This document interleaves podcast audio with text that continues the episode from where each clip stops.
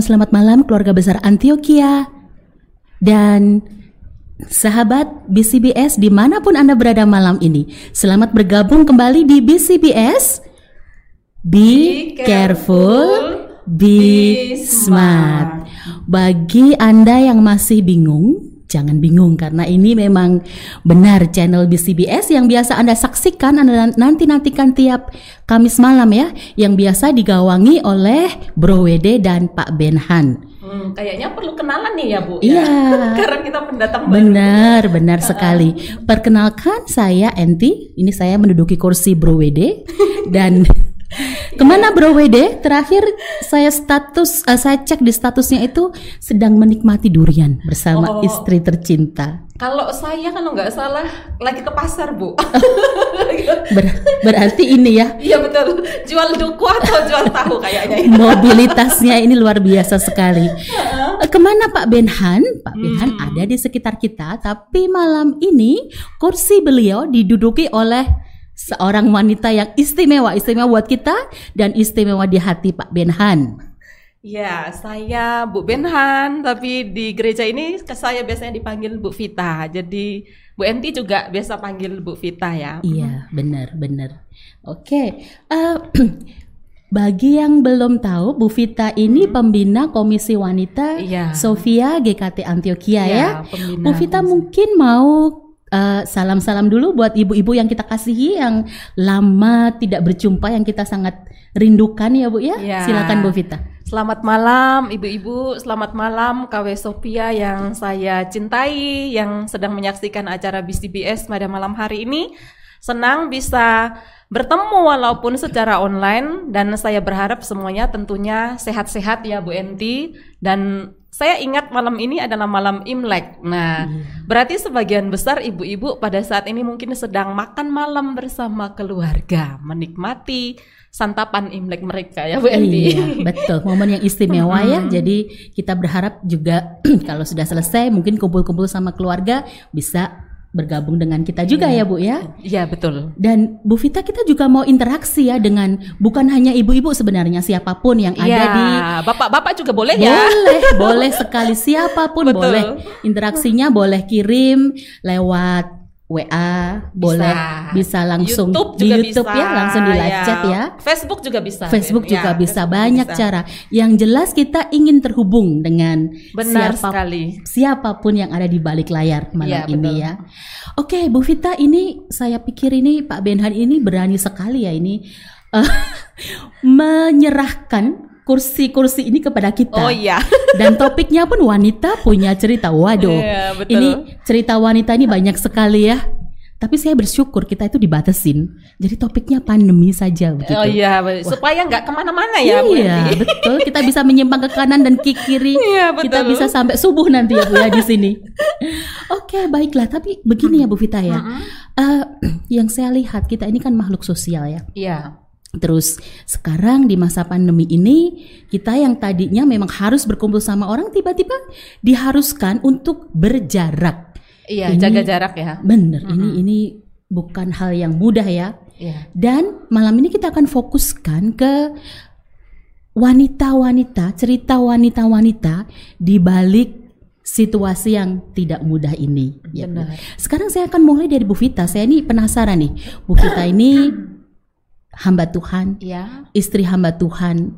Wah, kalau dalam posisi seperti itu, ibu sudah kebal dong ya bu ya? Gimana bu? Eh. Imun nggak bu terhadap terhadap situasi ini? Jadi semua ya fun fun saja. Orang hamba Tuhan sama istri hamba Tuhan kok. Gitu. Oh, enggak juga lah gitu ya bu. Uh, kalau bagi saya, walaupun saya hamba Tuhan, istri hamba Tuhan juga. Mm -hmm. Nah di gereja ketika awal-awal pandemi itu yang saya pikirkan dan sangat saya ingat pastinya berkesan ya karena ini jarang tidak pernah. Nah, sekali seumur hidup lah bagi saya ketika masa pandemi ada COVID-19 bagaimana di gereja itu harus menyesuaikan cara kita melayani. Hmm. Nah, biasa kan kita datang beribadah ke gereja, semuanya ada datang di gereja semua ya. Nah, ketika kita kena COVID-19, nah otomatis ibadah secara online. Hmm. Nah, saya melihat sendiri itu suami saya Pak Benhan, Pak WD, beberapa rekan yang membantu itu ya.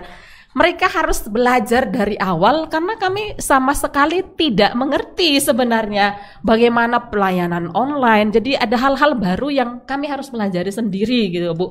Alat-alat yang dibutuhkan, bagaimana cara menyajikan semua ini sampailah pada hari ini kita punya acara BCBS salah Iya, satunya. iya. Ibadah minggu juga secara online. Nah, Nah, itu oke. stres, Bu. Oke, ingat. Bu Vita sebut kata stres Iya, ya. betul. Dan ini kalau saya lihat karena suaminya Bu Vita ini eh, pelayanan full ya. Ya. Terus berarti Bu Vita ini sama ya dengan ibu-ibu dengan para wanita yang yang yang lain juga. Jadi tidak Iya. kebal juga ya. Iya. Eh, kita boleh cerita sedikit Bu kalau imbasnya itu pada kehidupan pribadi Bu Vita bagaimana? Ya pastinya kan kami kehilangan banyak waktu untuk keluarga. Misalnya ketika awal-awal pandemi, suami kan harus fokus pergi ke gereja sampai ada fotonya, videonya yang mereka simpan ya. Tutul-tutul tembok buat ngebuat panggung baru. Dari pagi sampai malam, kadang subuh baru pulang ke rumah gitu loh ibu. Jadi kami kadang merasa kehilangan momen-momen tertentu yang biasanya kami sering ketemu gitu ya. Tapi ketika pandemi kami jarang ketemu karena suami lebih banyak di gereja, saya sebagian besar waktunya di rumah. Karena anak saya dua-duanya di rumah, apalagi yang paling besar itu kan SD kelas 4 ya. Ketika masa pandemi ini baru mulai kan tahun lalu, dia masih kelas 3 ya kalau saya nggak salah ya. Nah, ada banyak hal yang kami juga belajar menyesuaikan diri, kebiasaan-kebiasaan. Yang dulunya biasanya kami seminggu sekali jalan-jalan, nge-mall gitu ya Bu. Bagaimana? Anak kan sudah sekolah satu minggu sampai Jumat gitu ya. Biasanya Sabtu atau Minggu malam eh, setelah ibadah kami akan jalan-jalan, mungkin makan malam atau cuma nge-mall bareng supaya anak-anak senang. Tetapi ketika pandemi, hampir satu tahun ini kami tidak pernah membawa anak kami pergi nge-mall bu, pergi jalan-jalan keluar juga tidak pernah.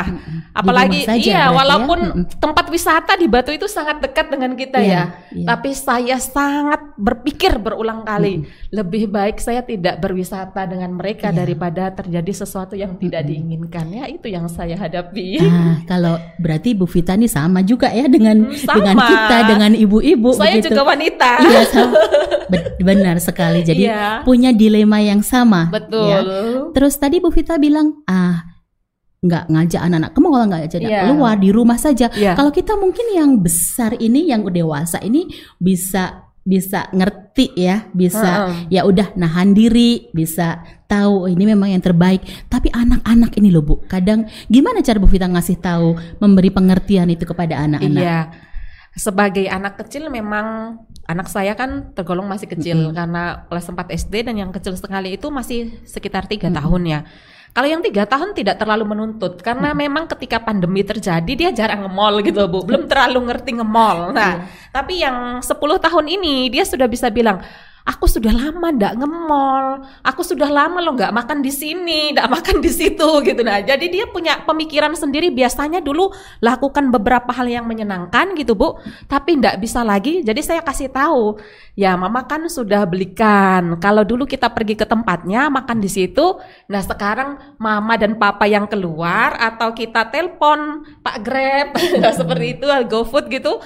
Nah kita makannya di rumah aja gitu loh bu. Terus kalau sekarang mereka nggak pernah jalan-jalan berwisata, tapi ya saya kasih waktulah mereka buat nonton TV, film yang mereka suka, main game, ada waktu-waktu tertentu yang juga bagi mereka itu menyenangkan. Nah, sebisa mungkin saya membuat suasana hatinya itu lebih baik walaupun tidak keluar rumah. Iya, jadi ada alternatif-alternatif kegiatan Iya, yang ditawarkan juga di rumah ya. Betul Karena kalau sekali. kita ngasih tahu anak, ini masa pandemi nggak boleh ke mana-mana gitu saja Iya. juga juga anak itu juga butuh hiburan ya. Iya, betul. Jadi kita tawarkan dalam bentuk yang lain. Jadi Betul. ini eh, dituntut kreativitas yang tinggi buat kita para kaum emak ini ya. Betul Bu. Jadi nggak gitu-gitu aja gitu Iya. loh. Jadi kadang saya juga ajak anak saya bermain. Iya. Apalagi saya mama kan, anak saya yang tiga tahun. Jadi kita harus ajak anak itu bermain sekreatif mungkin, Betul, iya. sehingga dia merasa nyaman. Seperti sekolah juga, tapi santai. Nah, seperti itu kira-kira.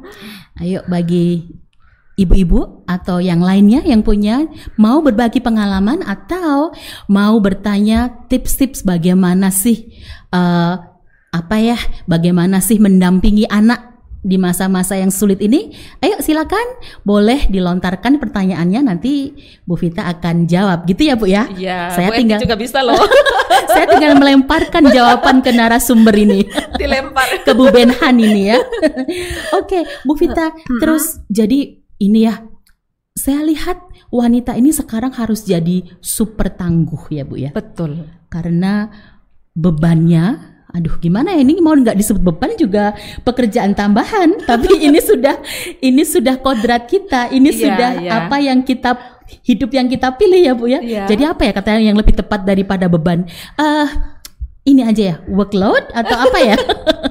Sudah tugas, menjadi tugas. kita, Ya, iyalah betul, tugas. mungkin lebih tepat ya, karena Ya. kita te- tidak mau menganggap ini beban, Ya, betul. ya, karena mereka adalah keluarga yang kita kasihi, Ya. ya. Jadi ini ini tugas saja begitu ya, ya Ya. kita sepakat gitu ya, Sepakat. sepakat. tos dulu, bu, tos dulu, tos. Oke, eh, tugas-tugas ini bertambah di samping harus lebih kreatif. Terus dulu anak sekolah yang kita ada waktu break, anak-anak kita kirim ke sekolah, urusan belajar, urusan bapak dan ibu guru, kita paling tinggal mendampingi bikin PR dan sebagainya. Nah, sekarang kita juga harus jadi mama dan juga harus jadi guru di rumah. Iya betul Gimana itu, Bu? sekali. Eh, saya pribadi mengalami ya Bu Enti dan Iya. saya tahu juga beberapa ibu di gereja kita itu mengalami hal yang sama karena rata-rata ibu-ibu muda seperti saya Bu Enti itu kan punya anak-anak dalam jenjang sekolah gitu kan. Nah tugas kita itu jadi bertambah, ndak double mungkin triple dan selebihnya gitu kan. Biasanya kita pagi-pagi masak, nah selesai semuanya beres anak ke sekolah gitu kan. Nah, di masa pandemi ini, tugas kita sebagai ibu itu bertambah dengan apa? Karena kita juga harus mengajar anak kita. Nah, biasanya tugas itu sebagian besar dipegang atau dilakukan oleh gurunya yang ada di sekolah. Sekarang berganti, orang tua menjadi guru yang harus mendampingi, mengajar anaknya agar anaknya itu bisa mengikuti pelajaran yang diberikan melewati apa sarana yang dilakukan oleh sekolah itu tadi Bu Enti. Jadi kita juga harus belajar betul-betul ya. Jadi Iya. seperti saya ya misalnya setiap kali saya ngecek PR-nya anak atau membantu dia belajar supaya dia lebih paham apa yang sedang dia pelajari gitu, saya terlebih dahulu harus baca bukunya dong. Supaya nyambung gitu kan, supaya yang saya ajarkan juga benar dengan apa yang gurunya ajarkan.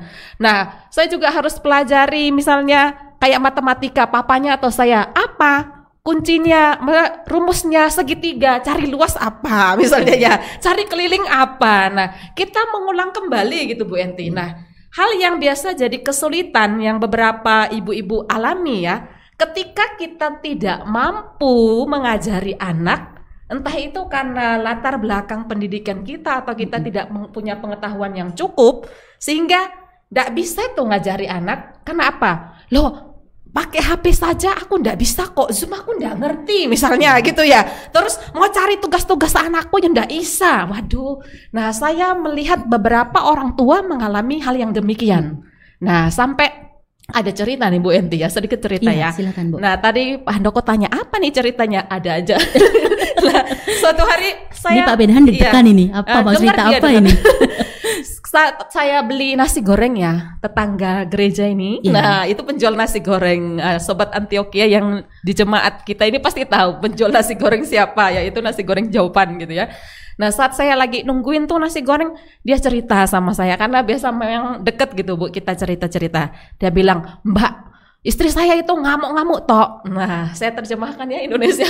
Iya. Istri saya itu sering marah. Kenapa? Sejak pelajaran online ini yang ngamuk terus, marah terus. Karena apa? Dia nggak bisa ngajari anaknya. Mm-mm. Dia merasa apa yang dipelajari itu dia nggak ngerti gitu loh bu. Mm-mm. Selain dia nggak ngerti pelajarannya, dia juga tidak bisa pakai sarananya bu. Nah, Ini ini tekanan tersendiri Iya ya, Bu, ya. benar. Jadi men- tambah stres. Tambah stres, tambah stres. benar, Jadi ibu benar, rumah tangga, jadi guru dadakan gitu ya. Benar. Betul lah itu salah satu contohnya. Jadi sekarang orang tua ini dituntut uh, menjadi orang tua pembelajar juga ya. Nah, betul Tapi sisi, sekali. sisi positifnya Bu, kita jadi mau belajar lagi kan ya. Iya. Kalau dulu pasrahkan gurunya, sekarang mau nggak mau, kalau kita mau anak kita bisa ya kita juga harus Iya. turun tangan belajar. Saya harap sih demikian Iya. ya. Setiap wanita yang Iya. cerdas, setiap orang tua yang tentunya mau anaknya maju dan dirinya juga terus mau maju ke depan, Mm-mm. pasti dia mau belajar, terus belajar. Mm-mm. Jangan pernah berkata, waduh saya ndak bisa, waduh ini sulit. Gak Iya. sulit kok anak kecil, anak saya tiga tahun sudah bisa pakai HP gitu Benar, ya bu. Nah benar. apalagi kita. Benar. Nah ya. Dan juga itu. belajar itu banyak caranya ya. Iya Mungkin betul. sekarang di uh, media sosial itu sudah internet itu sudah Hmm. sangat memfasilitasi kita. Tapi kalaupun tidak, saya rasa juga ini Bu, Hmm. uh, menjalin komunikasi yang baik dengan guru-gurunya. Iya betul. Nah, iya kan kan? ada grup biasanya ya bu. Ya. Kalau di sekolah anak saya itu kan Kalam Kudus. Nah, mereka pasti punya grup kelas. Mm-mm. Nah, selain punya grup kelas, pasti setiap kelas itu kan ada walinya ya. Iya. Nah, biasanya walinya ini memantau bagaimana perkembangan anak. Ya. Nah, menanyakan ada kesulitan apa. Tapi orang tua juga sebaliknya, Bu. Bisa hubungi gurunya misalnya, "Oh, Mister atau Miss, ini pelajarannya betul enggak?" gitu Ya. atau ada kesulitan apa. Ya, Jadi seperti kita itu. manfaatkan platform-platform yang ada itu untuk hal yang membangun dan positif ya Bu. Iya. Ini juga ini juga mengingatkan kita juga jangan kalau kita punya gadget itu untuk ngelihat berita-berita yang nggak jelas terus. Iya betul. gitu. Jangan cuma buat nonton film Korea aja. itu sekali-kali boleh dong Bu. iya, buat hiburan karena, boleh. eh, ini ini gara- saya diracuni oleh adiknya Bu Vita ini. saya juga salah satu penggemar drakor Iya sekarang. betul. Terus ini Bu, tadi Mm-mm. terkait dengan stres dan sebagainya ya, Mm-mm. karena tugasnya nambah. Di satu sisi tuntutan sek- dari sekolah juga tinggi, sedangkan roda dapur, roda roda keluarga itu masih tetap jalan, itu nggak bisa berhenti. Pekerjaan kita nggak bisa dikurangi. Betul. Ya. Nah itu kalau saya lihat efeknya ke mana Bu? Ke relasi kita dengan orang-orang rumah. Iya betul. Kalau Uh-uh. kita ndak bisa uh, segera cepat menyesuaikan diri ya Bu, menangani apa yang jadi masalah diri kita sendiri Mm-mm. terlebih dahulu, apalagi anggota keluarga yang lain ya. Efeknya mungkin kita akan cenderung marah-marah sama anak, atau kita akan bertengkar sama suami, bertengkar sama mertua atau orang tua siapa pun deh yang ada di rumah itu. Karena apa? Pandemi ini kan punya dampak. Salah satunya ketika masa pandemi ini ada yang di PHK, kehilangan pekerjaannya, atau mungkin uh, sumber penghasilan mereka berkurang. Dulu sekian puluh juta sekarang jadi sekian juta saja gitu bu. Iya. atau bahkan mungkin nggak sampai beberapa juta gitu. Saya mengerti beberapa orang mengalami hal yang sama bahkan di tempat anda mungkin saudara-saudari yang dikasih Tuhan. Nah kesulitan-kesulitan tersebut dampaknya sangat luas Hmm. dari kesulitan ekonomi berpengaruh ke relasi komunikasi di dalam keluarga. Nah, sekarang Hmm. yang mau saya tanyakan Bu Vita, kalau kita sudah tahu itu eh, itu ancaman di sekitar kita kalau saya lihat ya. Kalau kita tidak tidak hati-hati, kita bisa ambiar. Wah, Iya. biar saya jadi ingat Didi Kempot. Sudah. Biar ya. iya, kalau kita nggak hati-hati itu di kita. Iya. Kalau kalau kita sebagai wanita, saya lihat wanita ini perannya besar sekali di Iya. keluarga ya. Kalau wanitanya ambiar, maka seluruh keluarga itu juga Wah, ikutan ambiar. ikutan ya. ambiar. Dampaknya ini besar ya, Bu ya. Betul betul. Heeh. Jadi eh, saya teringat ini Bu Vita. Saya Apa? teringat kalau kita mungkin banyak yang lupa ya karena lama yang nggak bepergian ya. Tapi Mm-mm. kalau di pesawat itu, Ya. kalau di pesawat terus eh, ada tuh yang pramugari cantik-cantik itu ngasih tahu kita Oh, yang di depan cara itu eh, ya. yang di depan kasih tahu. Iya, Tapi yang saya ingat ini, ketika pasang mas ketika eh, tekanan udara di kabin turun, Oh ya. kita harus pasang masker. Yang Ya. dipasangkan siapa dulu? kita dulu, Iya, baru kita menolong tolong yang, lain. samping. Ya. Nah itu analogi kan saya bilang di rumah tangga juga seperti itu ya. iya. kita sama. ini iya kita tahu nggak ya kalau kita oksigen kita ini nggak cukup ya Nggak bisa nolong nggak yang bisa lain. nolong Iya, nanti betul. malah malah malah banyak yang nggak tertolong gitu. Iya, nah betul. sekarang bu gimana ya caranya menjaga supaya kadar oksigen kita ini tetap cukup dalam kondisi bagus dan kita tidak ambiar. Kita nah, bisa kalau seperti itu pastinya secara pribadi ya, karena kita adalah wanita yang punya peran penting di dalam keluarga. Kenapa? Pertama kita sebagai seorang istri, yang kedua tugas kita juga sebagai seorang ibu bagi rumah tangga kita, saudara yang dikasih Tuhan. Nah, ketika kita menghadapi masa pandemi ini, kalau sampai ambiar itu gawat ya, Bu Hmm, Endi ya. iya. Tapi bukan berarti kita bi- bisa em, apa seperti eh, kalau ada masalah, ada banyak pergumulan Iya. atau ada banyak pikiran, bukan berarti kita orang yang tidak bisa ambiar. Iya, Nah, betul. kalau Iya. sampai kita ndak sungguh-sungguh punya iman yang kuat, Hmm, Bu Enti, iya. kita nggak sungguh-sungguh percaya pada Tuhan. Nah, saya yakin, sangat-sangat yakin pasti kita ambiar. Tapi ketika kita punya pegangan, yaitu firman Tuhan, oleh sebab itu saya mau bacakan buat kita ya, Bu Iya, Enti iya, ya. Bu Vita, iya. Nih di sini saya mau bacakan dari Mazmur 46 ayat 1 sampai ayat yang ketiga. Begini bunyinya. Allah itu bagi kita tempat perlindungan dan kekuatan sebagai penolong dalam kesesakan sangat terbukti. Sebab itu kita tidak akan takut sekalipun bumi berubah, sekalipun gunung-gunung goncang di dalam laut, sekalipun angin ribut dan buih airnya, sekalipun gunung-gunung goyang oleh geloranya. Nah, Bu Enti di sini saya mau mengajak kita bersama-sama merenungkan bukan hanya ibu rumah tangga, tetapi juga bapaknya atau suami, tapi seluruh anggota keluarga juga. Ketika masa pandemi ini, saya teringat akan pemazmur ini. Di sini dia di- mengatakan demikian, Allah itu bagi kita tempat apa? Tempat per Perlindungan. perlindungan. Jadi ketika kita merasa, waduh, masalah ini kok cek berate, begitu apote. Nah, kenapa? Karena masalah ekonomi, masalah keluarga, masalah relasi, belum lagi rohaninya menjadi pertanyaan ya, Bu Enti. Nah, oleh sebab itu firman Tuhan di sini mengatakan, ayo kita ingat, katanya pemazmur apa? Allah itu tempat perlindungan dan kekuatan sebagai penolong sangat terbukti apalagi di dalam kesesakan. Nah, dalam konteksnya ini ketika pemazmur menyanyikan nyanyian mazmur ini tentunya mereka punya pengalaman tersendiri. Bagaimana bangsa Israel itu banyak mengalami kesulitan ya Bu Enti, tetapi dengan mata mereka sendiri mereka bisa melihat dan akhirnya mereka menyaksikan tertulis di dalam firman Tuhan ini bahwa Tuhan itu adalah penolong. Yang pasti di sini kekuatan kita dalam kesesakan dia pasti akan menolong Anda dan saya. Nah, ibu-ibu juga harus mengamininya. Sahabat, sobat BCBS, sobat Antioquia juga harus ingat firman Tuhan ini. Ketika kita merasa sesak, ketika kita merasa kesulitan dalam keluarga kita, mari kita ingat siapa penolong kita, Bu Enti, yaitu tuh Tuhan. Tuhan, perlindungan kita Tuhan dan pada saat sepertinya masalah kita itu mustahil untuk selesai, mari kita kembali ingat di sini apa dia adalah perlindungan kita, penolong kita dalam kesesakan sangat terbukti. Yang kedua Bu Enti, yang perlu saya tekankan juga di dalam Filipi 6 ayat 2 di sana dikatakan bertolong-tolonganlah menanggung bebanmu demikianlah kamu memenuhi hukum Kristus. Galatia Nah, ya Bu. Iya, ya? Galatia 6 ayat 2. ya. Nah, saya teringat masa pandemi ini kan masa yang membuat orang rentan untuk stres kan, banyak masalah yang dihadapi. Oleh sebab itu kita yang katanya Bu Enti tadi itu kita ini makhluk sosial. Iya. Otomatis kita tidak bisa menanggung semua beban, semua masalah itu seorang diri Bu Enti. betul. Sebagai makhluk sosial kita butuh orang lain.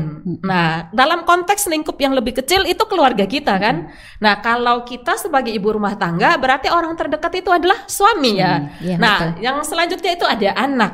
Nah, bagaimana kita bisa sharing dengan mereka, bisa berbagi dengan mereka, bisa bertolong-tolongan menanggung beban itu tadi, Bu Enti bukannya Iya. disimpan sendiri, Iya. dipikirkan sendiri, nanti stres yang keluar hanya apa? Marah-marah.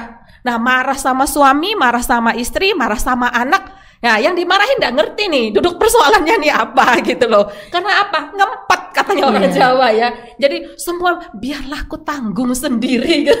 nah, Aku wanita yang Oh kuat. iya, gitu. saya Wonder So Woman, gitu, Wonder Woman gitu. Nah, padahal firman Tuhan sendiri bilang apa? Kita harus bertolong Tolongan. tolong-tolongan karena apa? Kita sebenarnya memerlukan orang lain dan supaya apa? Nah, secara psikologi ya, ketika kita bisa berbagi, ketika kita bisa curhat, nah, kita akan merasa lebih baik ya Bu Enti. Iya, kita betul. merasa lebih lega ketika ada orang yang mendengarkan walaupun tidak segera men- memberikan solusi misalnya, oh saya lagi kurang uang, saya lagi kesulitan, langsung kasih uang sekian juta tidak ya. Tetapi walaupun hanya dikatakan, oh saya akan mendoakan Anda, saya akan mendengarkan Anda. Kata-kata yang sepertinya kecil tetapi bagi orang yang sedang menghadapi masalah itu sangat berarti. Mm-mm. Nah, apalagi dalam keluarga. Iya. Nah, gitu kira-kira Bu Endi. Jadi tadi tegas ya jelas. Iya. Firman Tuhan itu tegas sekali ya. Betul. Jelas tidak hitam, tidak hitam putih gitu ya, Iya, tidak abu-abu. Tidak abu-abu, bener.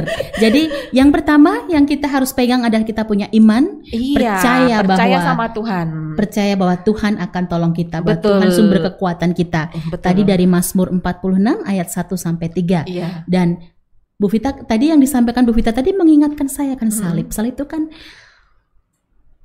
vertikal dan horizontal, Horizontal. ya. Jadi relasi kita ke atas Betul. beres mantap Dengan Dan Tuhan, dengan terus Tuhan, dengan dengan sesama. Sesama. Sesama yang paling dekat ini ya keluarga, Ya, keluarga kita ya, dulu, suami dulu ya, iya bener. betul. Bener. Kalau kita nggak mungkin beres di luar, kalau di dalam Iya, yang kecil yang betul. paling dekat aja nggak beres ya Bu Betul. Enti. Nah, sekarang ini saya akan pakai kesempatan ini untuk bicara kepada para suami, para suami yang sekarang para BCB BCBSers gitu ya. karena para pria ya. ah iya, para para suami dulu deh yang sudah Iya. punya pasangan, sudah punya istri. Nah, bahwa istri-istri bapak-bapak sekalian ini bukanlah Wonder Woman Ya. yang bisa melakukan semuanya sendirian, yang bisa menanggung semuanya sendirian. Jadi topak, kalau bapak ambil sedikit saja tugas istri kadang-kadang itu akan memberi kelegaan. Itu kira-kira Bu Vita ya. Kira-kira tugas apa ya sedikit ya?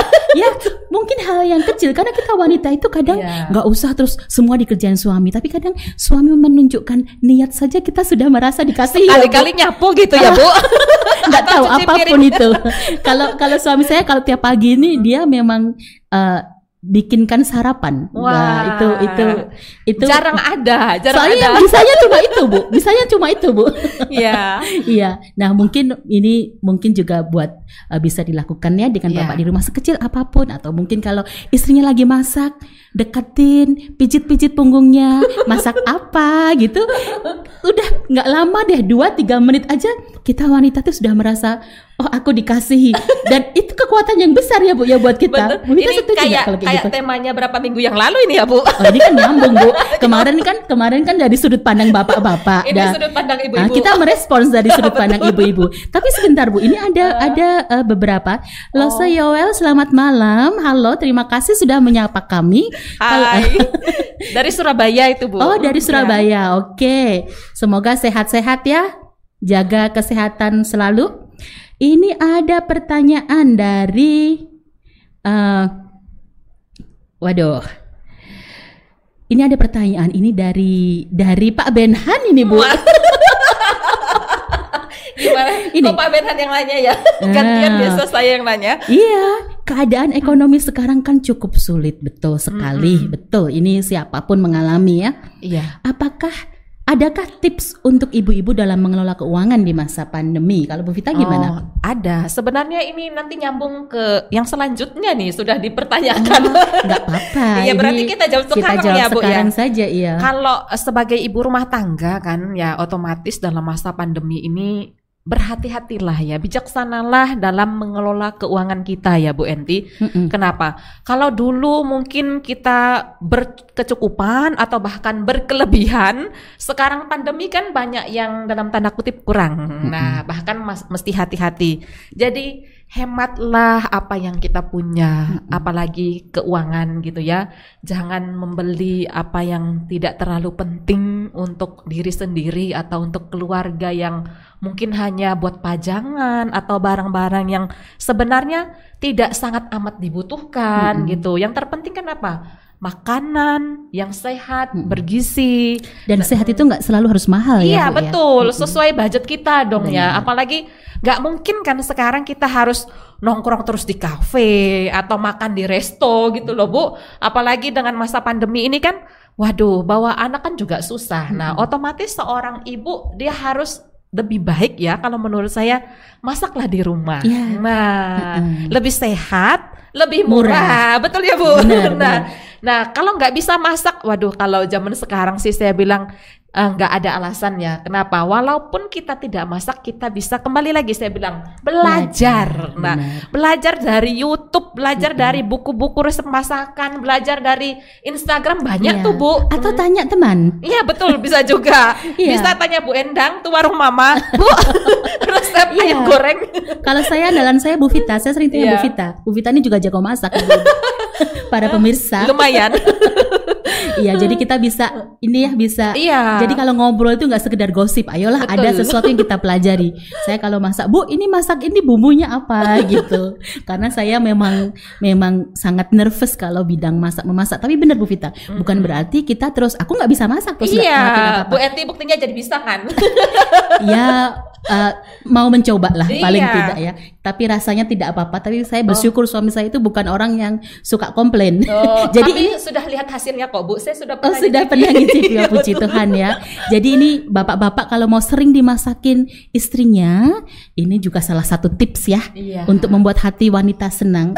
Pertama, hargai dulu masakan istrinya. Entah itu enak atau enggak, tapi kita bisa sampaikan dengan cara yang dengan cara yang indah. Wah, Wah, gitu, kayak- walaupun kurang-kurang rasa, enggak Iya. apa-apa lah ya. Gini mungkin mungkin mungkin salah satunya gini ya.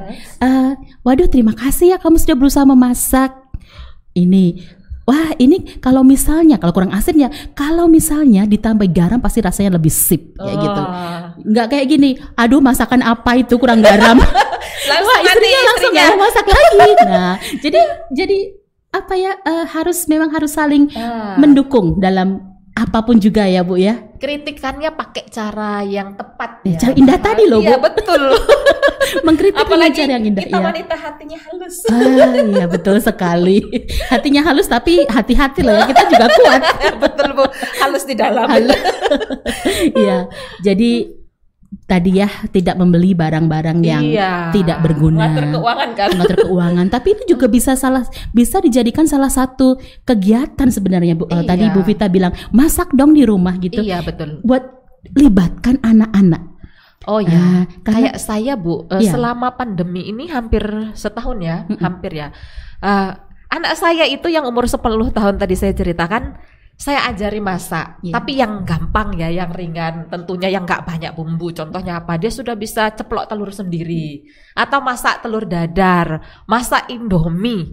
Bahkan beberapa waktu lalu Bu, minggu yang lalu kalau saya nggak salah ya, dia buat nasi goreng sendiri, Wow. walaupun bumbunya itu cuma kecap pakai bon cabe. Iya. Nah, ketika papanya pulang dari gereja dengan bangga dia berkata, "Papa ini nasi goreng." saya dalam hati sudah tertawa gitu, Bu. Saya tahu, waduh ini rasanya sebenarnya saya tahu ndak enak. Iya. Tapi dia senang gitu, Bu. Dia bisa masak sendiri kalau misalnya masakan saya kalau buat satu hari dia nggak mau ya makannya dari pagi, siang, malam menu yang sama. Nah otomatis dia akan bilang, Mama boleh aku ceplok telur? Oh silakan. Saya bilang kan masak sendiri Iya. gitu. Nah itu contohnya. Bagus sekali itu contoh Iya. yang bagus. Dari situ saya belajar bahwa uh, dari cerita Bu Vita tadi ya, ketika kita memberi kepercayaan kepada anak, Iya. maka anak itu juga mau juga mau berusaha juga gitu. Iya betul. Kalau anak apa apa kita larang itu juga anak akhirnya nggak akan berkembang ya Bu. Iya dia Nah, jadi penakut, Betul, nggak berani belajar sesuatu yang baru gitu betul kan. sekali. Ya. Kita kita uh, hargai keinginan mereka, kita kasih kepercayaan juga bahwa mereka bisa. Kalau memang namanya anak-anak itu kan pasti standarnya anak-anak ya. Iya. Nggak mungkin standar masakan kita akan kita kita apa kita hmm, apa itu namanya kita eh paksakan paksakan boleh. Kita paksakan. Saya coba mencoba mencari kata yang tepat. Kita paksakan buat buat anak-anak. Tapi Iya. yang penting dikasih kepercayaan dan kesempatan tadi. Iya, dan juga dengan diawasi ya. Benar dengan diawasi, tentu ya. saja tentu saja standar keamanan tetap menjadi tanggung jawab kita orang Iya. tua ya tapi kita ajarin juga nah itu itu bisa salah jadi salah satu alternatif kegiatan yang positif dengan anak-anak di masa pandemi ini Iya. memasak ini kadang kan kita aduh anak laki-laki kok di dapur Iya. itu gimana Bu Vita itu Kalau saya ndak masalah Nggak ya, ya? mau dia laki-laki, mau dia perempuan, bagi saya kita harus memberikan pengetahuan, pelajaran, skill kepada anak supaya apa? Supaya nanti dia bisa jadi orang yang mandiri, Bu Enti. Jadi, kenapa dia harus belajar sesuatu yang berkaitan dengan dapur? Nah, Ibu-ibu, suatu saat kan anak kita ini akan sekolah. Sekolah yang nggak selalu, tidak selamanya dia akan bersama-sama dengan kita kan.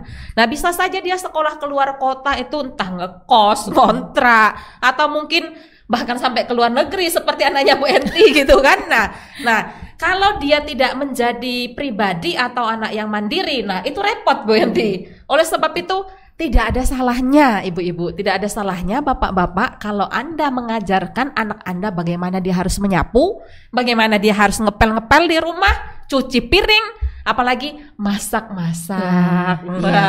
Dan jangan lupa bapak-bapaknya juga bisa bantu loh di dapur. Oh, iya. Nah, itu bapak-bapak kalau di dapur itu tambah maco kayaknya ya. Maksudnya gini. ya.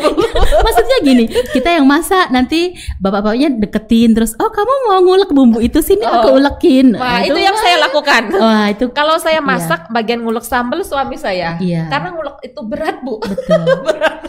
Jadi pandemi ini memang banyak hal-hal yang sulit yang kita hadapi, Mm-mm. tapi juga sebenarnya banyak hal positif kalau kita mau fokus ke hal yang positif itu Betul. bisa kita petik ya Bu ya. Jadi bisa jadi menjauhkan kalau kita eh, bawaannya marah-marah terus tidak ada komunikasi yang bagus. Iya. Kalau kita goyah iman, Mm-mm. tapi bisa jadi ini keadaan ini bisa mempersatukan, mempererat hubungan di dalam keluarga juga. Iya. Tinggal kita mau pilih yang mana ya Bu ya. Betul. Oke, sekarang kita akan lihat ya Bu ya. Itu ada Iya. per- ada pertanyaan yang masuk Wah, lagi ada nih. lagi? Betul. Ini dari Ibu Maria. Halo Bu Ida. Oh, Apa Bu kabar? Ida, istri Pak Iya, Arman ya. istri- ini Bu Ida nih kalau saya perhatikan nih paling rajin ngikutin di CBS ini, Ini ya. sobat setia. Sobat BCBS. setia BCBS. Terima kasih Bu Ida. Ini ada pertanyaan. Iya. Bu Benhan dan Bu Bos. Aduh saya dipanggil Bu Bos. Bos apaan ini Bu? Oke terima kasih dia bilang mantap ya kita memang wanita-wanita berbobot. Apalagi di masa pandemi ini bob, semakin berbobot. Ya, betul. Oke, saya mau sedikit tanya bagaimana menghandle dua anak dan satu bayi. Wah ini Bu Ida ini wanita yang luar biasa ya betul. dengan tiga anak kecil di rumah agar tidak ada yang merasa terabaikan. Hmm. Sedangkan saya harus melakukan sendiri ketika jam-jam aktif anak-anak. Nah, ini salah satu pergumulannya ibu-ibu Iya, yang di betul. rumah dengan anak-anak. Nah, Bu Vita ada yang mau disampaikan? Saran ya. Mm-mm. Eh, anak saya dua, saya tahu anaknya Bu Ida ini tiga ya, dan jaraknya tidak terlalu jauh. Nah, eh, UB, EB, HB ya, kalau nggak salah ya. Ya, Bayi-bayi. Ya semuanya ada B-nya lah dari Pak Arman Iya. mungkin itu. Nah, eh, hal yang saya pernah alami Bu Ida ketika saya mau punya anak kedua ini karena jaraknya sebenarnya cukup jauh ya. Nah, tapi kenyataannya waktu itu ketika Devon itu hampir umur mm, tujuh tahun ya, dia sempat ketika saya hamil, dia berkata, kenapa sih mama harus punya anak lagi? Nah, kok tidak cukup aku saja? Nah, saya tidak ngira gitu Bu Iya. Enti, kok dia yang saya pikir, oh ini sudah waktunya lah saya nambah anak karena jaraknya sudah cukup jauh. Nah, biar saya nggak terlalu repot. Nah, ternyata dia punya rasa, waduh dia takut ya. Takut kenapa? Kasih sayang saya mungkin papanya akan berkurang sama dia. Itu yang saya pikirkan. Dia mulai menunjukkan ketika adiknya lahir cemburu, cemburu. Nah, dia cemburu kasih gitu ya. Dia berkata, "Loh, ini adik ndak usah tidur sama mama, sama papa aja. Nah, aku mau sama mama." Nah, itu yang saya alami. Nah, mungkin juga dialami Bu Ida ya dengan dua anak yang jaraknya berdekatan dan satu bayi. Yang bayi ini sih masih ndak ngerti apa-apa, tapi yang dua orang ini saya tahu. Nah, mereka masih sangat membutuhkan perhatian khusus. Jadi bagaimana kita sebagai seorang ibu, bapaknya juga, karena yang mendidik dan merawat kan bukan cuma ibu saja ya Bu Enti, Iya, bukan cuma betul. Bu Ida. Mm-mm. Mereka tetap harus kompak sama-sama menunjukkan bahwa kasih sayang orang tua mereka ini tidak pernah kurang sedikit pun. Nah, bagaimana caranya? Ketika apa pun yang kita berikan, ketika kita memberikan sesuatu entah itu makanan atau mainan, nah kita harus hati-hati nih Bu. Mm-mm. Karena sering kali anak itu mikirnya kan gini, kalau kita belikan buat adiknya, dia ndak dibelikan. Dia berpikir, loh kok mama cuma sayang adik. Nah gitu kan yang dipikirkan.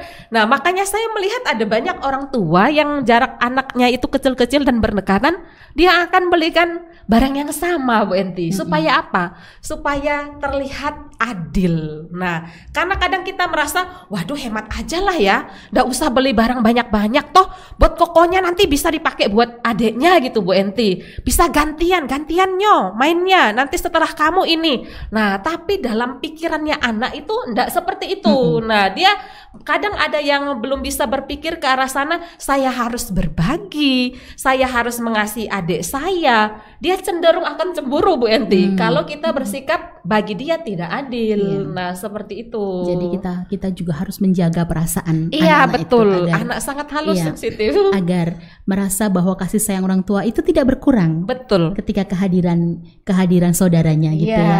Oke, terus mungkin ini mau saya tambahkan ya Bu ya. Iya, bisa. Ini Bu Bu Ida ini karena kita tahu ya Mm-mm. tiga anaknya yang satu masih bayi, Iya. yang dua masih masa aktif-aktifnya. Heeh. Mungkin sama seperti strategi memasak tadi ya. Kita eh, libatkan mungkin ya anak-anak yang besar mungkin dalam mengasuh adiknya dan anak-anak segitu tuh diajak ngomong sebenarnya sudah bisa loh ya.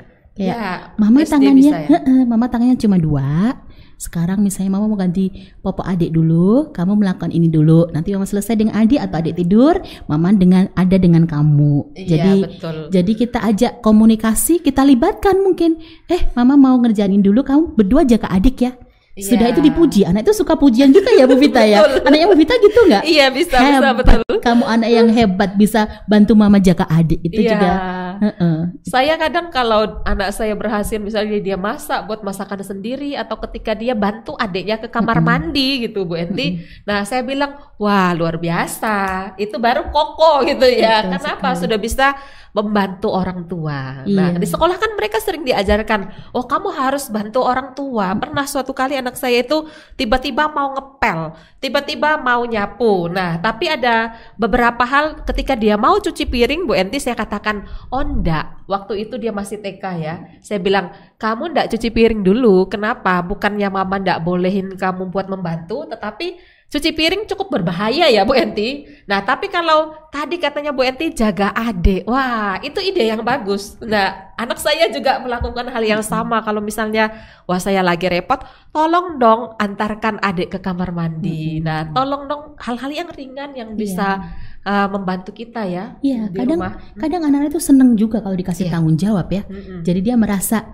Oh aku ini ternyata berguna juga, aku ini ternyata bisa juga. Iya. Anak-anak seneng kalau mereka merasa merasa uh, I can do it, aku mampu kok, aku bisa, Betul. aku sudah besar. Iya. Itu mereka paling seneng kalau dianggap sebagai anak besar ya. Mereka ingin terlihat seperti orang tua. Betul sekali mereka. Aduh, anak-anak ini memang anugerah Tuhan ya. Iya. Terus Bu Vita ini ada pertanyaan Oh, lagi iya. ya. Eh ini dari Ibu Desi. Halo, selamat malam Bu Wah, Desi. malam Bu Desi. Kita banyak pertanyaan malam ini. Terima Ibu-ibu kasih. semua ya? Ibu-ibu semua, tapi ad- kecuali Pak eh, eh, Benhan. kecuali Pak Benhan, tapi ada nanti kayaknya yang Oh ya. yang bapak-bapak juga. Sel- Terima kasih untuk pertanyaan-pertanyaan yang masuk. Bagi ibu-ibu yang masih mengumulkan itu masih dipikir-pikir langsung saja, Bu. Tidak ada pertanyaan yang sepele, tidak ada pertanyaan yang tidak berarti, tetapi kita bisa menjawabnya atau tidak pasti akan dicoba ya, Bu ya. Iya. Iya, gitu. Eh, Bu Desi ini bertanya. Selamat malam. Bagaimana memanage stres saat pandemi saat semua Oh, serba iya, sulit ini? betul. Tadi sudah disinggung Iya, sedikit, tapi sedikit mungkin tadi. perlu di ini Bu dielaborasi. Ah, sebenarnya pertanyaan ini ya mirip-mirip dengan pembahasan beberapa waktu yang lalu ya, ah, Pak Benhan bersama Pak Bedi atau apa ya. Ah, ah, karena wanita itu rentan stres, Bu Enti, apalagi masa pandemi, gerak kita kan terbatas, banyak di rumah, pekerjaan menumpuk. Nah, apalagi tambah ngajari anak seperti yang saya lakukan tadi kita juga harus tetap bekerja melakukan pekerjaan rumah. Kita juga punya pekerjaan sendiri. Nah kita juga punya hal-hal yang kita pikirkan. Nah kalau kita tidak bisa mengelola stres ini nah dampaknya sangat bahaya nah bisa jadi ya seperti yang tadi saya katakan kita akan marah-marah kita akan ngomel sama suami ngomel sama anak yang betul berujung ya? ambiar tadi ya, nah ya? jadi ambiar nah kalau saran dari saya ya Bu Desi ataupun teman-teman wanita yang mengalaminya mari kita gunakan waktu yang pertama punya me time nah Pak Benan Hmm. pernah bahas itu ya Iya, kalau betul. kita nggak punya me time apa yang biasa kita lakukan yang kita suka kerjakan kita menikmatinya kita nyaman di situ Bu Enti nah ketika itu nggak kita lakukan nah kita gampang stres tapi ketika kita tetap punya hobi yang bisa dilakukan kayak Bu Desi nih saya tahu dia suka buat kue Oh, enak sekali kalau. Bu Desi ya. kalau saya lihat selain buat kue itu seperti hobi gitu ya. Nah, kayak saya kan suka masak. Saya suka masak, suka makan. Nah, Jadi masak adalah salah satu cara saya menyalurkan apa yang saya inginkan. Bisa juga kalau wanita stres bisa banyak makan. Jadi masak dulu baru makan. Nah, terus yang suka musik, nah dengarkanlah musik. Nah, tapi asal jangan yang hobi belanja jadi belanja ambiar, Bu. Apalagi sekarang ya Shopee. Nah, itu. Tiba-tiba datang paket dari Shopee. Toko itu ada dalam Iya, genggaman kita soalnya sekarang ya. Kita nggak bisa nge-mall tapi mall di HP itu banyak. nah, jangan sampai misalnya stres itu membuat kita melakukan hal-hal yang akan menambah stres lagi. Jadi kita menciptakan masalah yang baru yang lama tadi tidak terselesaikan Iya, gitu. Jadi betul. kita harus mengelola bagaimana mood kita. Kita tahu oh, kalau saya sedang stres, banyak pikiran, kenapa sih? Apa yang membuat itu? Bagaimana mengelolanya? Nah, tapi hal yang nggak kalah penting juga, Bu Enti, ketika kita rentan stres, ingatlah kalau kita setia baca firman Tuhan, seperti yang tadi saya katakan ya, kita mau membaca firman Tuhan itu, baca Alkitab dengan teratur, merenungkannya. Ingat, orang yang benar-benar setia dengan firman Tuhan itu, dia akan dapatkan apa sih yang firman Tuhan itu katakan. Walaupun dia bisa kena stres, tapi dia tidak akan gampang jatuh Bu Enti. Bisa stres, bisa. Tetapi dengan cepat dia bisa bangkit karena apa? Tadi seperti yang firman Tuhan saya katakan kan, dia tahu Tuhan penolongnya. Walaupun banyak masalah, Tuhan sumber kekuatan. Ketika wanita biasa stres berkepanjangan bisa jadi aneh-aneh ya Bu Enti. Iya, betul. Tidak hanya dalam bahasanya, perilakunya, bahkan nah, maaf ya saya katakan ada loh orang yang stres itu jadinya kalau saya miringkan begini, tahu apa artinya Enti? Ya, jadi masuk rumah sakit jiwa, benar. Karena tidak tertahankan ngomong Ditanggung juga, sendiri ya. ditahan, benar ya. Benar. Dia enggak punya teman curhat. Nah, salah satunya punyalah teman curhat. Sebenarnya ya, kalau saya pikir-pikir, teman curhat terbaik itu suami. Suami harusnya Kita ya. harus punya ya orang yang terbaik yang bisa kita ceritai segala macam yang walaupun itu rahasia gitu. Nah, kalau saya sangat gampang dengan suami Bu Enti. Nah, jadi kita bisa cerita segala macam.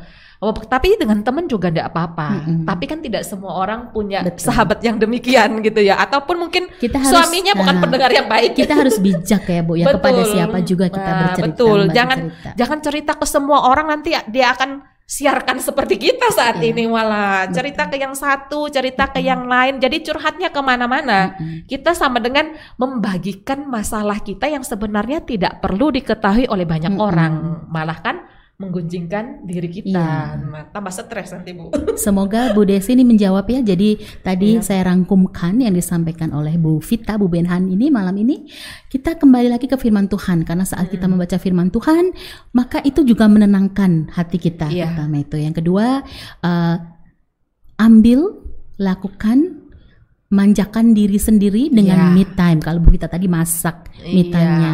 Kalau mungkin ibu-ibu yang di rumah ya BCB Eser yang di rumah punya gaya sendiri-sendiri. Kalau saya me time saya kalau dulu saya suka pijet gitu ya, tapi ini takut juga kalau ini Bahaya. saya agak parno juga ini. Betul. Jadi Bahaya bu. Dilarang Iya. bersentuhan kan. Harus jarak-jarak. Ah, sederhana sekali. Saya biasanya kalau sudah nggak kuat gitu ya, saya ambil baskom, air hangat, saya kasih garam, Ah, rendam, rendam kaki, kaki, sambil betul. pejam mata. Saya Terus- juga biasa Iya, lakukan. terus kita eh, lakukan pernafasan, tarik nafas, buang nafas. Nah, terus kita setiap tarikan nafas itu kita pikirkan satu hal yang kita bisa mengucap syukur. Iya, Itu betul. itu itu kadang saya lakukan kalau sudah eh gitu ya. Iya. Kalau sudah eh, terbeban berat dan mau ambiar. Iya, itu salah satu mungkin tips eh, yang di rumah saat ini mungkin punya tips-tips yang lain kalau mau dibagikan Bisa monggo, juga ini Bu, silakan. saya ingat eh, kebiasaan saya sama Pak Ha-ha. Benhan itu ketika kami lelah secara fisik juga karena kelelahan fisik itu juga bisa memicu stres ya. Jadi kami minta sama anak kami yang gede itu karena lumayan bobotnya ya 30-an kilo sedikit, sedikit lebih gitu. Jadi tolong injakin punggung. Wah. Nah, karena tadi Bu Enti bilang nggak Iya. bisa pijit tuh di luar. Biasanya pergi ke Jemari ya. Langganannya. sampai tahu kebiasaan saya Nah, jadi bisa tuh minta. Oh, kalau Bu Desi tadi konteksnya minta tolong Igo, go, tolong injak-injak punggung mama capek mixer, capek buat kue gitu ya.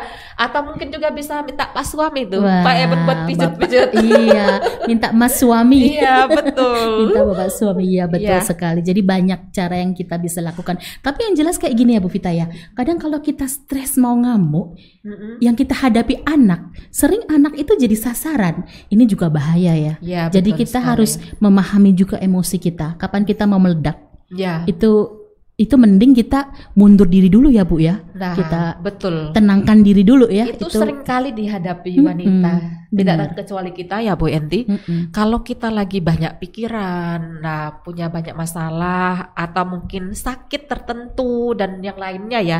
Nah kalau kita marah, kan siapa yang ada di dekat ya? Mm-mm, betul. Yang di dekat kita itu biasanya ya anak. Nah biasa yang kena sasaran itu anak. Nah suami kenapa? Mungkin dia jarang di rumah kan dia bekerja kan, jadinya wah sing diamu itu anak. Nah ibu-ibu atau bapak-bapak berhati-hatilah dengan ucapan kita. Nah, sadarilah misalnya hal-hal apa yang membuat kita itu rentan. Sehingga sering kali keluar perkataan yang menyakitkan hati. Mungkin orang bisa berkata, "Waduh, aku ndak sadar. Waduh, aku kilap." Dan Tapi kata- diulangi terus. dan kata-kata itu juga nggak bisa ditarik kembali Iya ya Bu, ya. betul, Nah, itu nancep bu di Benar. pikirannya, di hatinya sampai Benar. nanti, waduh itu sangat parah, sangat berbahaya bagi Mm-mm. perkembangannya nanti. Iya, Nah, benar. dia akan bisa trauma atau cenderung meniru. Iya, Nah, pola ah, perilaku kita. marah boleh tapi jangan lepas kontrol. Iya. Jadi kita tetap harus bisa mengendalikan caranya bagaimana berpegang kepada firman Tuhan tadi Iya. ya Bu ya. Ini sudah Melatih emosi Betul, kita betul. supaya kita bisa menyalurkannya pada hal-hal yang positif. Betul. Ya. betul. Bisa tetap marah, tapi ketika kita marah pada anak, saya biasanya akan kasih tahu anak saya. Iya. apa yang akan membuat saya marah dan ketika saya marah saya kasih tahu sebabnya apa gitu loh Bu Enti misalnya ketika dia ngikuti pelajaran biasa saya tanya tuh Bu tadi yang kamu pelajari itu apa? Nah ketika misalnya dia ndak nyambung atau tadi dia nggak ngikuti zoom itu apa nah itu bisa membuat saya marah gitu. Saya kasih tahu dia loh tadi yang kamu pelajari apa? Belajar apa? Kok bisa barusan selesai mama tanya kamu ndak ngerti? Nah nah biasanya saya jelaskan seperti itu. Nah Iya. kenapa mama marah Nah, karena kamu lagi belajar, tugasnya pelajar itu ya belajar dengarkan baik-baik apa yang Mister atau Mismu katakan, ajarkan di ruang Zoom itu tadi. Ya, Jadi betul. memarahin anak itu boleh, tapi anak harus tahu alasannya kenapa Iya. mereka dimarahin. Jadi Iya, kita nggak marah-marah nggak jelas Iya, gitu ya. betul. Tapi kadang kalau kita wanita ini juga kadang emosinya juga nggak jelas juga ya Bu ya.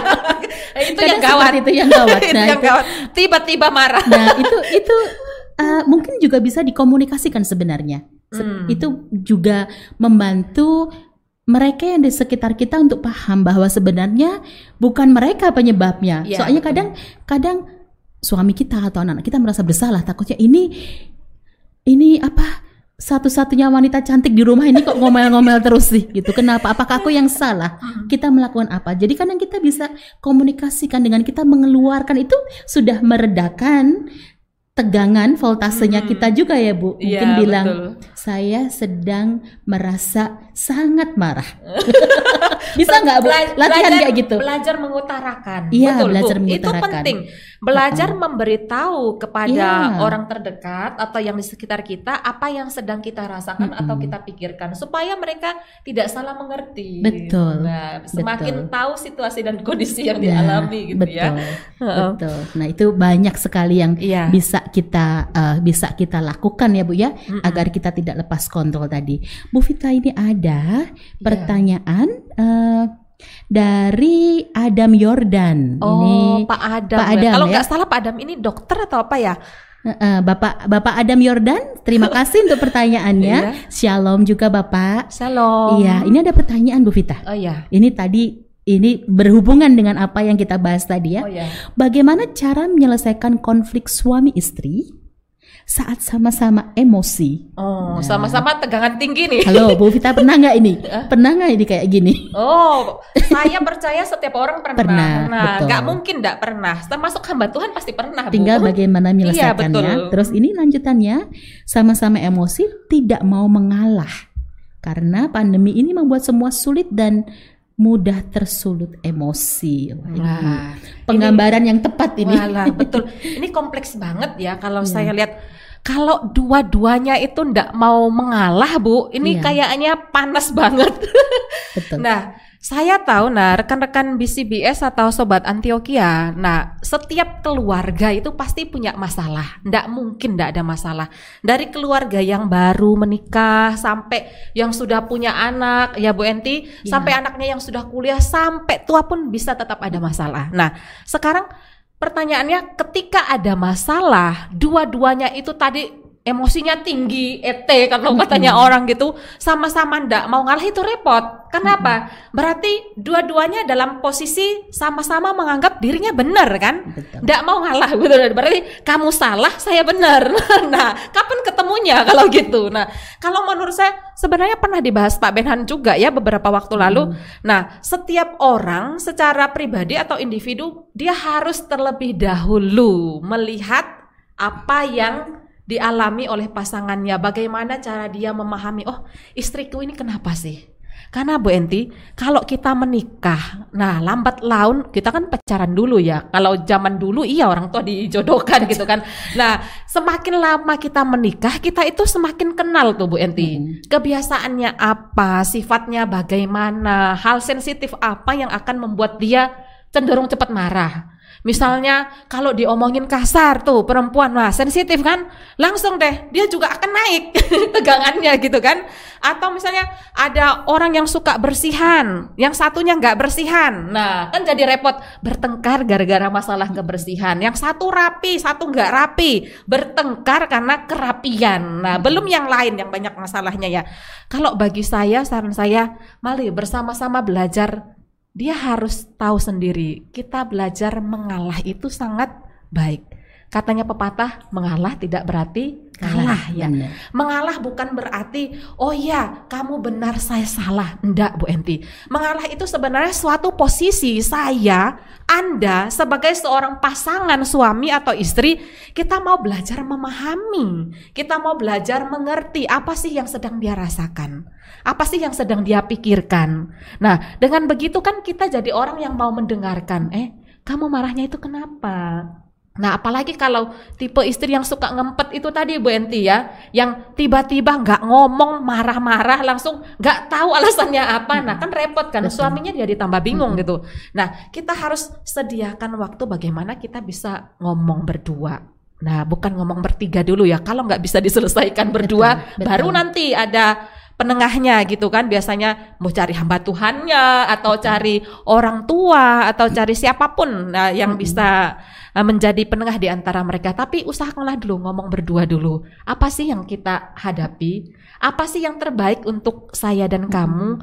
Sama-sama belajar memahami mendengar mengerti apa yang menjadi duduk persoalannya tuh bu. Diketemukan dulu jangan melebar ke mana-mana. Nah jadi kalau dia ndak suka apa ya temukan itu supaya bisa diselesaikan bersama-sama gitu Jadi saling mengenal Iya. supaya komunikasinya juga enak ya. betul Mencoba memahami itu tadi belajar ya. mengalah Belajar mengalah. Terus ini Bu, kunci dari semuanya itu Hmm. kalau tadi saya saya eh, perhatikan ya Bu ya, ini Iya. sebenarnya sikap hati yang mengampuni ya. Betul. Karena kalau kita tadi tidak mau mendengarkan, Iya. cenderung egois, selalu merasa benar dan menang sendiri. Nah, itu ibu-ibu kita berarti dalam posisi merasa apa? Kita ini paling baik loh. Iya. Kita ini tidak salah loh. Padahal tidak ada manusia yang nggak pernah salah Benar. kan. Secara sengaja atau tidak kita bisa melukai pasangan kita, Bapak Ibu. Iya, Jadi benar. ketika pertengkaran itu terjadi, entah itu penyebabnya saya atau dia, nah kita harus sama-sama mau ya Iya, menyelesaikan betul, itu, betul. mengakui itu. Betul. Jadi kalau Hmm. kita punya sikap hati terus aku mengampuni pasanganku Betul. apa pun masalahnya, ambil sikap itu dulu ya Bu Iya, ya. dan mau Jadi, berubah. Nah, kalau mengampuni kita akan menerima dan mengasihi. Iya. Kalau sudah gitu, kalau masing-masing bisa seperti itu pasti komunikasi akan lancar ya. Betul. Kalau kita sudah menikah kan tentunya eh, walaupun minggu lalu beberapa minggu lalu dikatakan cinta itu bisa hilang bisa pudar. Ya ditemukan kembali. Iya, betul. itu nggak Nah, ke mana-mana kok. Kalau- tersisip Iya di mana betul. gitu. Iya. Cinta kita masih ada. Apalagi temanya beberapa waktu yang lalu ya. Berdua lagi yang Berdua yang lagi terakhir atau kemarin oh, ya. jatuh cinta Oh, jatuh lagi cinta bu. lagi. Nah, Wah. bagaimana kita bisa jatuh cinta lagi dalam usia pernikahan tertentu yang kalau diisi pertengkaran dan pertengkaran, ndak ketemu ujungnya gitu ya, ndak saling memahami, ndak saling mengerti, bertengkar terus dan bertengkar terus. Kan lama-lama lelah bu Enti, Iya. lama-lama capek, lo ngapain gitu ya, tiap hari bertengkar, baru pulang kerja bertengkar, Iya. wah itu ete itu emosi tinggi itu, merasa Terus dimengerti. harus ingat gini juga, Bu. Hmm. Wah, ini juga dulu pilihanku. Wah, jangan-jangan nanti dia mikir, apa aku salah ya? jangan, jangan. Sudah diberkati Tuhan Iya, itu. betul. Iya, itu tidak boleh berpikir ah, jangan-jangan Iya. kesalahan begini. Ini pilihanku. Jadi apa pun yang terjadi akan tetap mengasihi. Harus konsisten Nah, dengan janji sekali. pernikahannya ya. Karena janjinya di depan Tuhan loh, nggak main-main loh ya, Bu ya. betul. Diberkati Benar sama Pak sekali. Benhan ya kalau yang Iya. di Antioquia. Betul sekali. Nah, bagi pasangan muda yang berpikir untuk ke jenjang yang lebih serius ya, Iya. bisa datang ke Pak Benhan. untuk konseling-konseling pranikah. Iya, betul. Oke, oke Bu Vita. Sekarang ini yang terakhir ini ya Bu ya sebelum sebelum waduh ini bener kan kalau wanita Iya, cerita betul. ini sudah Ternyata jam 8 lewat ya. sudah over ini. Tapi katanya Ken lewat-lewat dikit Oh, boleh, Bu. Oke, nggak apa-apa. Terus ini Bu Vita ya, ini kan Iya. saya tuh mikir kayak eh, ibu-ibu ini terutama ya yang di rumah sendiri terus ibadah belum tentu bisa bisa online terus Iya. karena kendala yang lain-lain itu bagaimana Bu bisa menjaga pertumbuhan rohani? Eh, ini masalah yang nyata ya. Eh, kami sebagai gembala di tempat ini kami juga mengamati hal yang demikian dan tentunya juga Pak Benhan juga sudah pernah mendata ya Bu Enti. Eh, ketika pandemi kan kita harus ibadah secara daring ya, kita online. Kalau GKT Antioquia itu kita ibadahnya melalui YouTube, Facebook, kita langsung ya live gitu Bu Enti kita nggak pakai rekaman. Tetapi ternyata eh, hampir semua gereja itu bahkan mengalami ketika kita ibadah secara online masalahnya adalah kalau dulu tinggal datang ke gereja gratis ya Bu Enti. Sekarang kalau online perlu paket data. Lah, tidak semua orang itu punya wifi di rumah kan. Jadi kalau mau ibadah sekarang yang durasinya hampir satu jam, satu jam atau satu jam lebih gitu, nah dia harus menyediakan dana. Nah, terus kedua, ketika beribadah secara online ternyata itu uh, banyak membuat orang menjadi dalam tanda kutip saya sebut uh, lesu malas secara rohani. Kenapa? Karena kan dipantengin tuh HP gitu kan, ibadah online di GKT Antioquia misalnya kan. Dia bisa leyeh-leyeh. Nah, yang nggak tahu leyeh-leyeh santai-santai ya Bu Enti ya. Jadi sambil tidur-tiduran, malas-malasan, tidak uh, punya sikap yang hormat seperti ketika kita beribadah di dalam gedung gereja gitu. Nah, masalahnya situasi dan kondisi demikian membuat banyak orang itu menjadi malas untuk beribadah. Nah, sekarang pertanyaannya, jadi orang tua, bapak, ibu, saya dan Anda, kita punya tanggung jawab karena orang tua itu punya tugas dia sebagai bukan hanya yang mengurus membesarkan anak, tetapi juga mendidik anak. Dan dalam masa pandemi ini tidak terkecuali mendidik anak secara rohani gitu ya Bu Enti. Nah, banyak kan kalau sekarang kita temukan, oh kenapa anaknya ndak ibadah, kenapa kok ndak ikut KPR, kenapa tidak ikut uh, sekolah minggu gitu kan? Orang tuanya tidak uh, mengamati, orang tuanya tidak memberikan dorongan kepada anaknya. Nah, saya berpikir dan saya katakan hati-hati orang tua ketika kita tidak menganggap kerohanian anak itu penting. Nah, anak juga akan berpikir, waduh ibadah tidak penting kok Lama-kelamaan dia berpikir apa? Tuhan juga tidak penting. Baca Alkitab tidak penting. Berdoa itu tidak penting. Kenapa? Dia menjadi terbiasa. Karena pandemi hampir satu tahun ketika dia malas beribadah, apalagi dia lihat orang tuanya sendiri malas beribadah. Nah, bagaimana dia akan beribadah gitu kan? Kalau kita tidak memberikan semangat, dorongan dan contoh.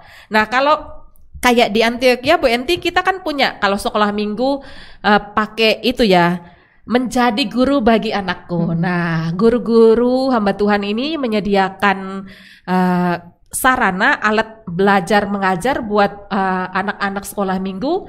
Mereka memberikan bahan melalui WhatsApp grupnya Exusia, nah sekolah minggu ya.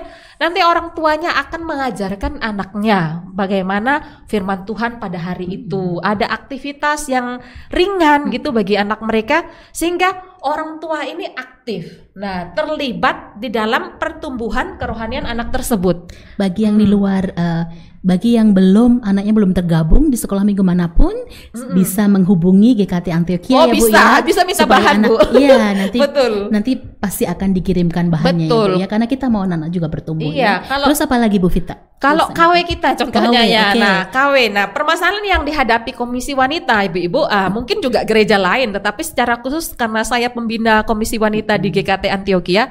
Nah, kan banyak anggota KW itu emak-emak sudah tua-tua. Nah, banyak yang tidak paham teknologi gitu. Nah, kalau kita mau ajak Zoom, waduh, Lose atau Bu Vita, saya nggak ngerti itu mau pakai Zoom gimana gitu kan. Akhirnya saya putuskan, wah oke okay lah saya bilang sama suami Pak Benhan, kita tetap pakai renungan sama jadi contohnya itu kayak sekolah minggu tadi. Kita punya WhatsApp grup Komisi Wanita Sophia, terus setiap hari Rabu ketika biasanya kita persekutuan di gereja, saya akan mengirimkan renungan. Renungan itu berisi renungan yang akan dibaca, dibahas pada hari itu, terus juga berisi apa? Kuis Kenapa dikasih kuis?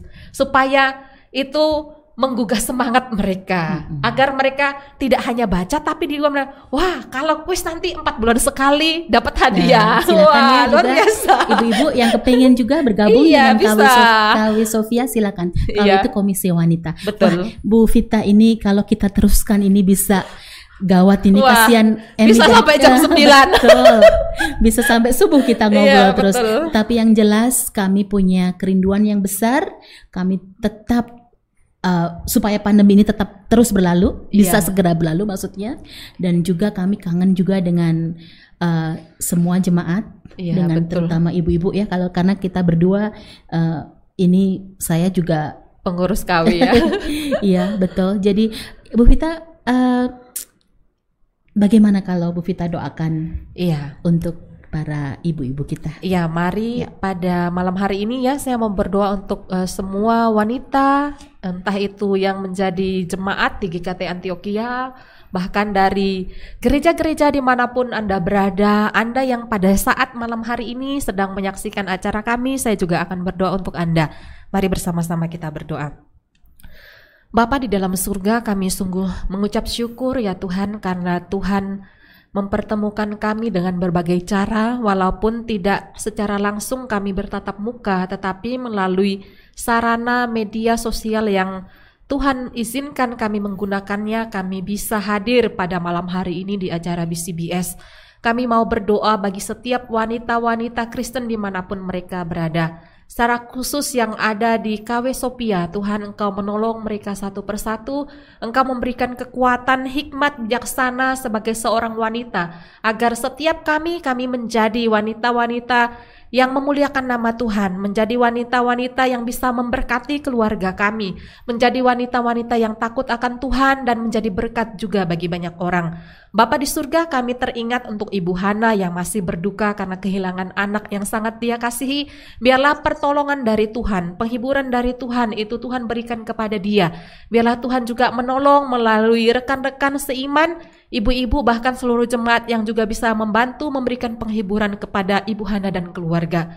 Kami mau berdoa ya Tuhan untuk setiap sobat Antioquia, sahabat BCBS, biarlah Tuhan mereka yang pada saat ini sedang dalam masalah keluarga, mereka sedang dalam masalah ekonomi, bahkan mungkin dalam masalah rohani. Tuhan kiranya Engkau yang memberikan kekuatan, keyakinan kepada mereka bahwa Tuhan adalah sumber kekuatan mereka, Tuhan adalah penolong mereka, mereka. Tuhan yang memberikan jalan keluar bagi setiap persoalan pergumulan hidup mereka dan tentunya semuanya bisa mereka dapatkan apabila mereka sungguh-sungguh yakin dan percaya kepada Tuhan. Kami mau serahkan ya Bapak setiap doa kami hanya di dalam nama Tuhan Yesus kami berdoa dan kami mengucap syukur. Amin. Amin. Terima kasih Bu Vita untuk sharingnya malam ini sangat Iya. memberkati saya. Sama-sama, Bu Enti. Saya yakin menjadi berkat juga bagi siapa pun yang menyaksikan acara. Oh ya, kita punya pengumuman ya Bu Iya, Enti ya. betul. Eh, Kamis depan Kamis depan itu nantikan ya bagi yang kangen dengan Pak Benhan Ya. akan hadir hadir lagi. hadir lagi nanti Kamis depan jadi jangan lupa Pak Benhan akan ada tamu istimewa yaitu Bapak Tiong Wee. Iya, Nah, menunya men- apa Bu? Menunya? Menu apologetika yaitu Kristen menjawab bagian satu. Wah, ini yang kayaknya- suka tanya jawab. Mm. eh, ini menarik sekali ya Bu. Betul. Ada bagian satu pasti ada beberapa bagian nanti. Wah, pastinya, kalau Pastinya. Apologetik itu banyak, Bu. Ya, jadi jangan jangan sampai dilewatkan. Iya, jangan betul. lewatkan karena ketika melihat online, ketika melihat live bisa langsung bertanya dan bisa dijawab saat itu juga. Ya. Terima kasih telah bersama dengan kami. Eh, kiranya Tuhan memberkati, tetap sehat, tetap semangat, tetap bersukacita apa pun keadaannya. BCBS, Be careful, be smart. Sampai jumpa.